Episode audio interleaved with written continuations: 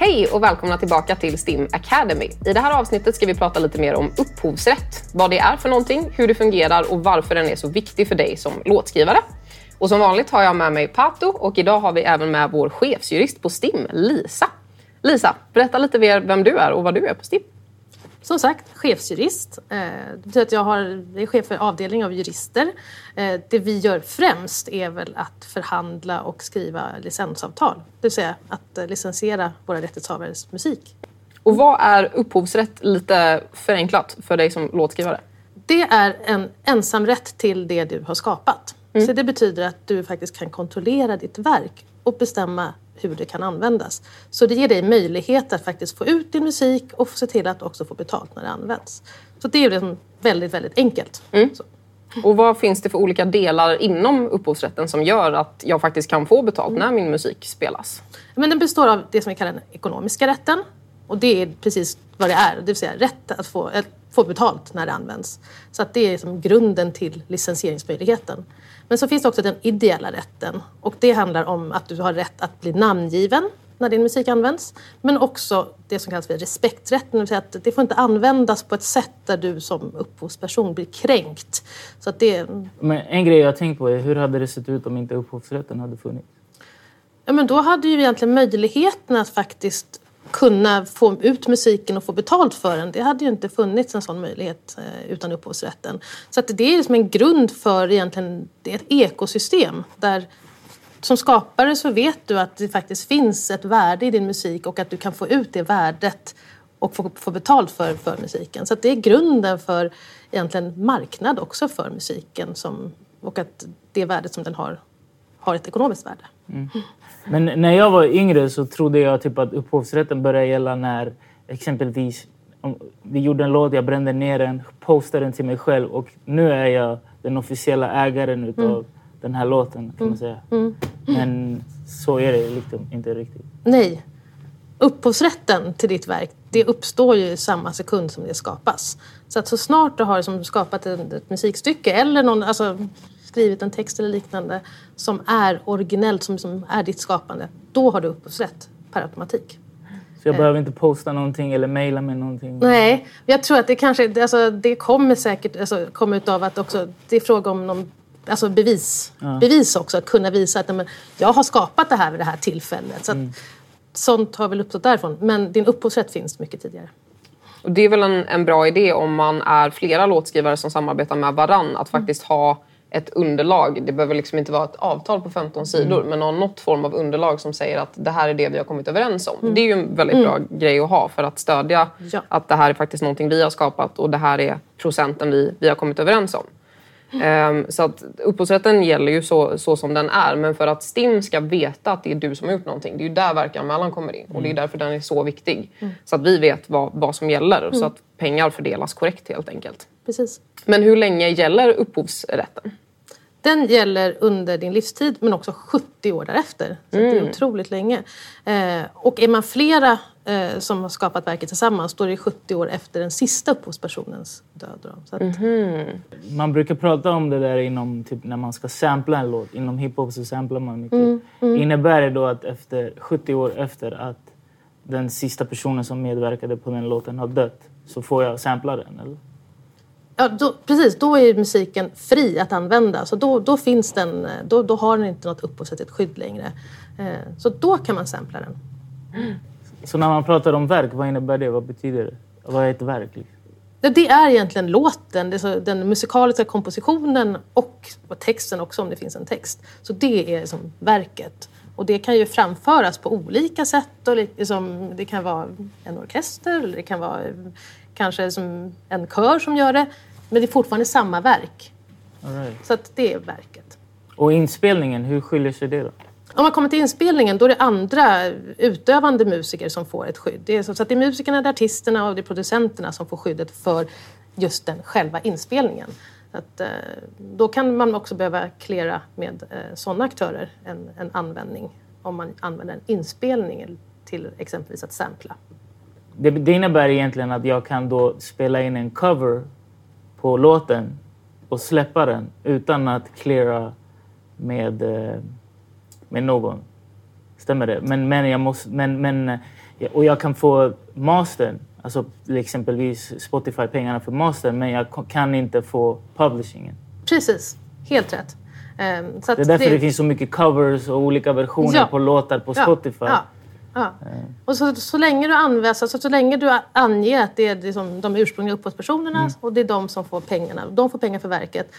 Inspelningen är en annan sak. Eftersom då har jag spelat in den Exakt. igen och då äger jag inspelningen. Yes. Precis.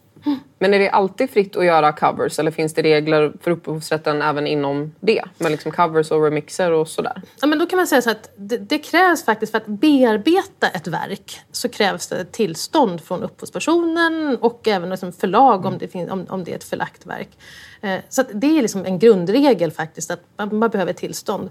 Men så inom populärmusiken, det, det är väl liksom att covers som är rena covers, där man inte går in och liksom arrangerar om eller sånt där, det kan man göra. Eh, bara det blir som angivet på rätt sätt då, vilka som är upphovspersoner och rättighetshavare till verket. Just det. Jag men om jag alltså skriver om texten, då ska jag be om tillåtelse ja. till de som har gjort själva originallåten? Yes, mm. då ska du ha en tillåtelse. Mm. Om man gör någon mm. ändring eller gör en tolkning där typ jag skriver egna verser? Eller ja, där, där nej, då är du inne på en bearbetning som faktiskt kräver tillstånd. Så mm. det är ren cover. Mm. Och hur ska jag gå tillväga som låtskrivare då om jag, jag har tagit en låt och alla låtskrivare lever som har gjort originallåten mm. men jag har skrivit om texten på mm. ett annat språk till exempel. Mm. Kan jag få hjälp av STIM då eller hur, hur ska jag mm. gå tillväga? Mm. Ja, men kontaktar STIM då kan du få veta vem, vilka som är rättighetshavare, vilket förlag det är. Och då tar man kontakt med dem och får det, alltså deras medgivande. Mm.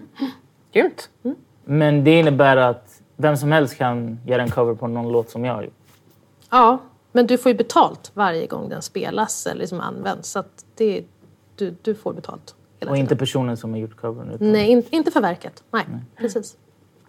Enda fallet då den personen som har gjort covern skulle få betalt är om de hade gjort ett arrangemang eller en ny version på den låten som du har clearat. Mm. Där du säger att ah, men du har ju skrivit om texten och jag tycker att det är asfett. Mm. Du får 10% på låten. Det är väl enda fallet. Precis. Och då krävs ju en ny registrering på låten som gäller just den versionen. Ja. Men är det originalet, då är det du som får. Helt rätt. Mm. Det finns ju en myt om att man får ta fyra takter liksom fritt från någon annans låt. Eller tre, fem mm. sekunder eller vad det brukar vara. Mm. Vad gäller där egentligen? Det, det, du säger där, det är just en myt. Mm. Alltså, man får inte ta eh, någonting från någon annans låt och använda utan tillstånd. Så man ska klära och det man kan gå tillbaka till sig själv sådär. Att, ja, det är klart att man vill att någon ska klära med mig innan man tar någonting från, någon, från mitt verk. Så mm. det är precis det som gäller. Mm. Eh, och det kom väldigt nyligen en dom på, på just det här. Så det, det, är så att det är väldigt tydligt att man kan inte använda eh, någon del av någon annans musik ens några sekunder. Mm. Så inga takter? Nej, inga takter. Precis. Noll takter. Det är det som är det nya. Det måste man ja. säga till alla inom hiphopvärlden. Ja. För att ja. alla tror på den myten. Ja, nej, nej. Men om någon hör av sig till mig och vill sampla min låt, mm. vad ska jag tänka på? Eller kan jag god, är det bara godkänna och sen är det lugnt? Eller? Ja, men om du är okej med det och tycker att det är en bra idé så mm. du godkänner. Men jätteviktigt att ni är överens om hur ska det här synas i verkregistreringen. Så att du finns med där. För det är så du får liksom betalt för din del då. Men är vi flera som har gjort den här låten, då måste det egentligen ha godkännande från alla? Eller? Mm, precis.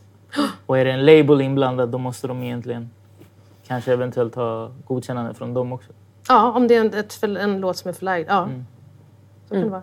Det är väl lite tumregeln att om man ska sampla eller om man ska göra en cover där man ändrar någonting så måste alla som har någon form av rätt till låten vara mm. inblandade. Mm. Både på publishing och mm. labelsidan och såklart alla som har mm. varit med. Mm. Så du inte sitter och godkänner att ja men tar ni den och så tar du 20 procent men mm. så glömmer man de andra. Så att alla som på något sätt har rätt till låten ska ju då vara inblandade i den Precis. överenskommelsen. Precis. Och se till att ni liksom inte bara säger okej okay, utan vad är överenskommelsen i grunden? Superviktigt. Ja, verkligen. Och det, det kan ju vara väldigt svårt att sätta gränsen mellan vad är inspiration och vad är ett plagiat mm. på en låt. Speciellt inom liksom populärmusik med mm. pop och hiphop och R&B och, och, allt möjligt. Men om man verkregistrerar på STIM och om du har liksom dokumentation från typ en, en session eller mm. du har någon bounce med liksom datum på sig så är det jättebra material att ha om det mm. skulle vara bli en dispyt eller vad du misstänker att någon har liksom snott din låt. Så att STIM, STIM och upphovsrätten är ju ett bra fundament där för att om ett sånt case tyvärr skulle uppstå så har du en grund att stå på. Och en verkregistrering kan vara till stor hjälp där. Verkligen. Så när jag ska verkregistrera då är det två spalter där och då är det perf och eh, eh, MEC. Vad, vad, vad betyder det? Vad är skillnaden på dem? Ja, men det, är de, det är två olika förfoganden eller användningar som vi kan licensiera. Och perf det är performance och mec det är mekaniser, mekaniseringen. Börjar med mekaniseringen så det är när man liksom gör en, när det finns ett eh, en exemplar eller en kopia av verket. Tidigare var det som CD-bränning typiskt sett. Så. Men även nu i streamingtjänster och liknande så finns det en lite, alltså, så görs det kopior av, av verken. Och det är liksom någonting som man kan ta betalt för under upphovsrätten. Eh, Den andra delen det är perf, det är framförande kan man säga. Och det är när musiken görs tillgänglig på något vis. Det kan vara en livespelning men det är också en del av streamingen är ju faktiskt att göra den tillgänglig. Eh, Det kan vara radio och tv så att det är när musiken som sänds ut på ett vis. Eller görs liksom tillgänglig till eh, användarna. Så det är egentligen det som perf och mex står för där. Vi brukar ju bara skriva in exakt samma procent på båda. Är, är, är det rätt eller kan det vara olika? Alltså det vanligaste är väl att man har samma procentsats där. Men som alltid, det är ju helt upp till er som har skrivit låten. Vad ni vill avtala procentmässigt. Och ska det vara en skillnad på perf och mec, då går ju det jättebra att göra det också. Men är det alltid så? Alltså, en, en grej jag har tänkt på är... Eh, många säger exempelvis att när man skriver en låt då är 50% till text och melodi och 50 för eh, beatet kan man säga. Alltså melodierna för beatet. Stämmer det eller kan vi bara dela upp det hur vi vill? Alltså, typ så här.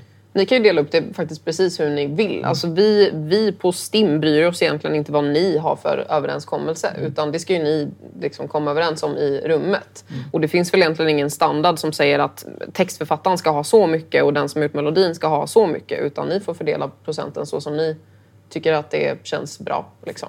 Så om alla är med på det och allt känns fair, då är det bra. Ja, exakt. Sen är det ju alltid bra att skicka ett mejl så att man har liksom något skriftligt som säger att det här är det vi har kommit överens om. För att det är ju lättare underlag att gå på än att du säger till mig muntligt att nej men vadå, vi kom ju överens om det. För att det vet ju inte jag.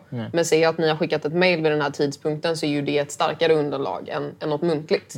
Och sen hoppas man ju såklart att man samarbetar med folk där man inte behöver rusta upp sig för att det ska bli en dispyt. Utan att man värderar varandras insats och varandras musik och att det är ett skönt samarbete. Men med det sagt så är det såklart bra att ha stöd till att jo, men det här är det som har skett och det här är det vi har kommit överens om. STIM har ju funnits i snart hundra år och upphovsrätten är ju liksom grunden vi alltid har stått på. Och vi pratar hela tiden om att musik har ett värde och upphovsrätten är så viktig. Men det har ju ändrats väldigt mycket bara senaste 5, 10, 15 åren med liksom sociala medier och stora techföretag där musiken är, är en förutsättning för att de ens har ett framgångsrikt bolag. Hur jobbar STIM med, med upphovsrätt i den moderna världen och ser till att låtskrivare fortsätter få betalt? Ja, det är en otroligt viktig del av vårt uppdrag att säkra att det faktiskt liksom finns en upphovsrätt framåt. För att, som vi sa, det är grunden till det här ekosystemet. Så att vi, har, vi jobbar stenhårt från juristhållet och från juridiken att se till att det finns lagar och att lag, alltså lagstiftningen utvecklas på det sättet så att vi faktiskt har en upphovsrätt också framåt som gynnar eh, alltså, skapandet och rätt, rättighetshavarna. Så det är en jätteviktig del. Men sen har vi också att faktiskt jobba gentemot marknaden, också följa liksom utvecklingen och se som, hur utvecklas behoven på kundsidan. Hur ska licenserna se ut för att faktiskt möjliggöra musikanvändning? För det är, det är faktiskt det det handlar om. Vi vill att musiken ska användas. Och hur säkrar vi att det faktiskt finns licenser som möter kundernas behov? Så att följa den tekniska utvecklingen, anpassa eh, vår licensiering för det. Det är det bästa sättet att säkra att musiken används och alltså, rättighetshavarna får betalt. Så, Så jag, jag som låtskrivare, om jag är med i STIM, jag behöver liksom inte stå och banka på Facebooks dörr för att få dem att förstå att musik är en jätteviktig del till att ni har en framgångsrik plattform. Utan STIM hjälper mig med det då. Absolut, det är precis där vi är. Och det, är som, ja, det är för några år sedan som vi licensierade Facebook. Ett jättestort steg. Idag har vi som också TikTok till exempel licensierade. Så att hela tiden följa de här och se till att när musiken används så ska man faktiskt betala för det värdet som det ger. Så vad är det viktigaste att ta med sig från det vi har pratat om i det här avsnittet? Upphovsrätten, den uppstår direkt när ett verk skapas och den är din. Verkanmäl till STIM. För det är så vi också kan säkerställa att du får betalt när musiken används. Annars vet vi inte att eh, du har det här verket. Och för det tredje, om någon vill använda din musik så ska de ha ditt godkännande och se till att ni är överens om villkoren för det. Hur vill ni splitta det här? Vad är ditt bidrag in i, i det nya helt enkelt? Mm. Tack så jättemycket för att ni har tittat på det här avsnittet av STIM Academy. Och vill ni lära er mer om STIM och hur det funkar så hittar ni mer avsnitt på den här kanalen.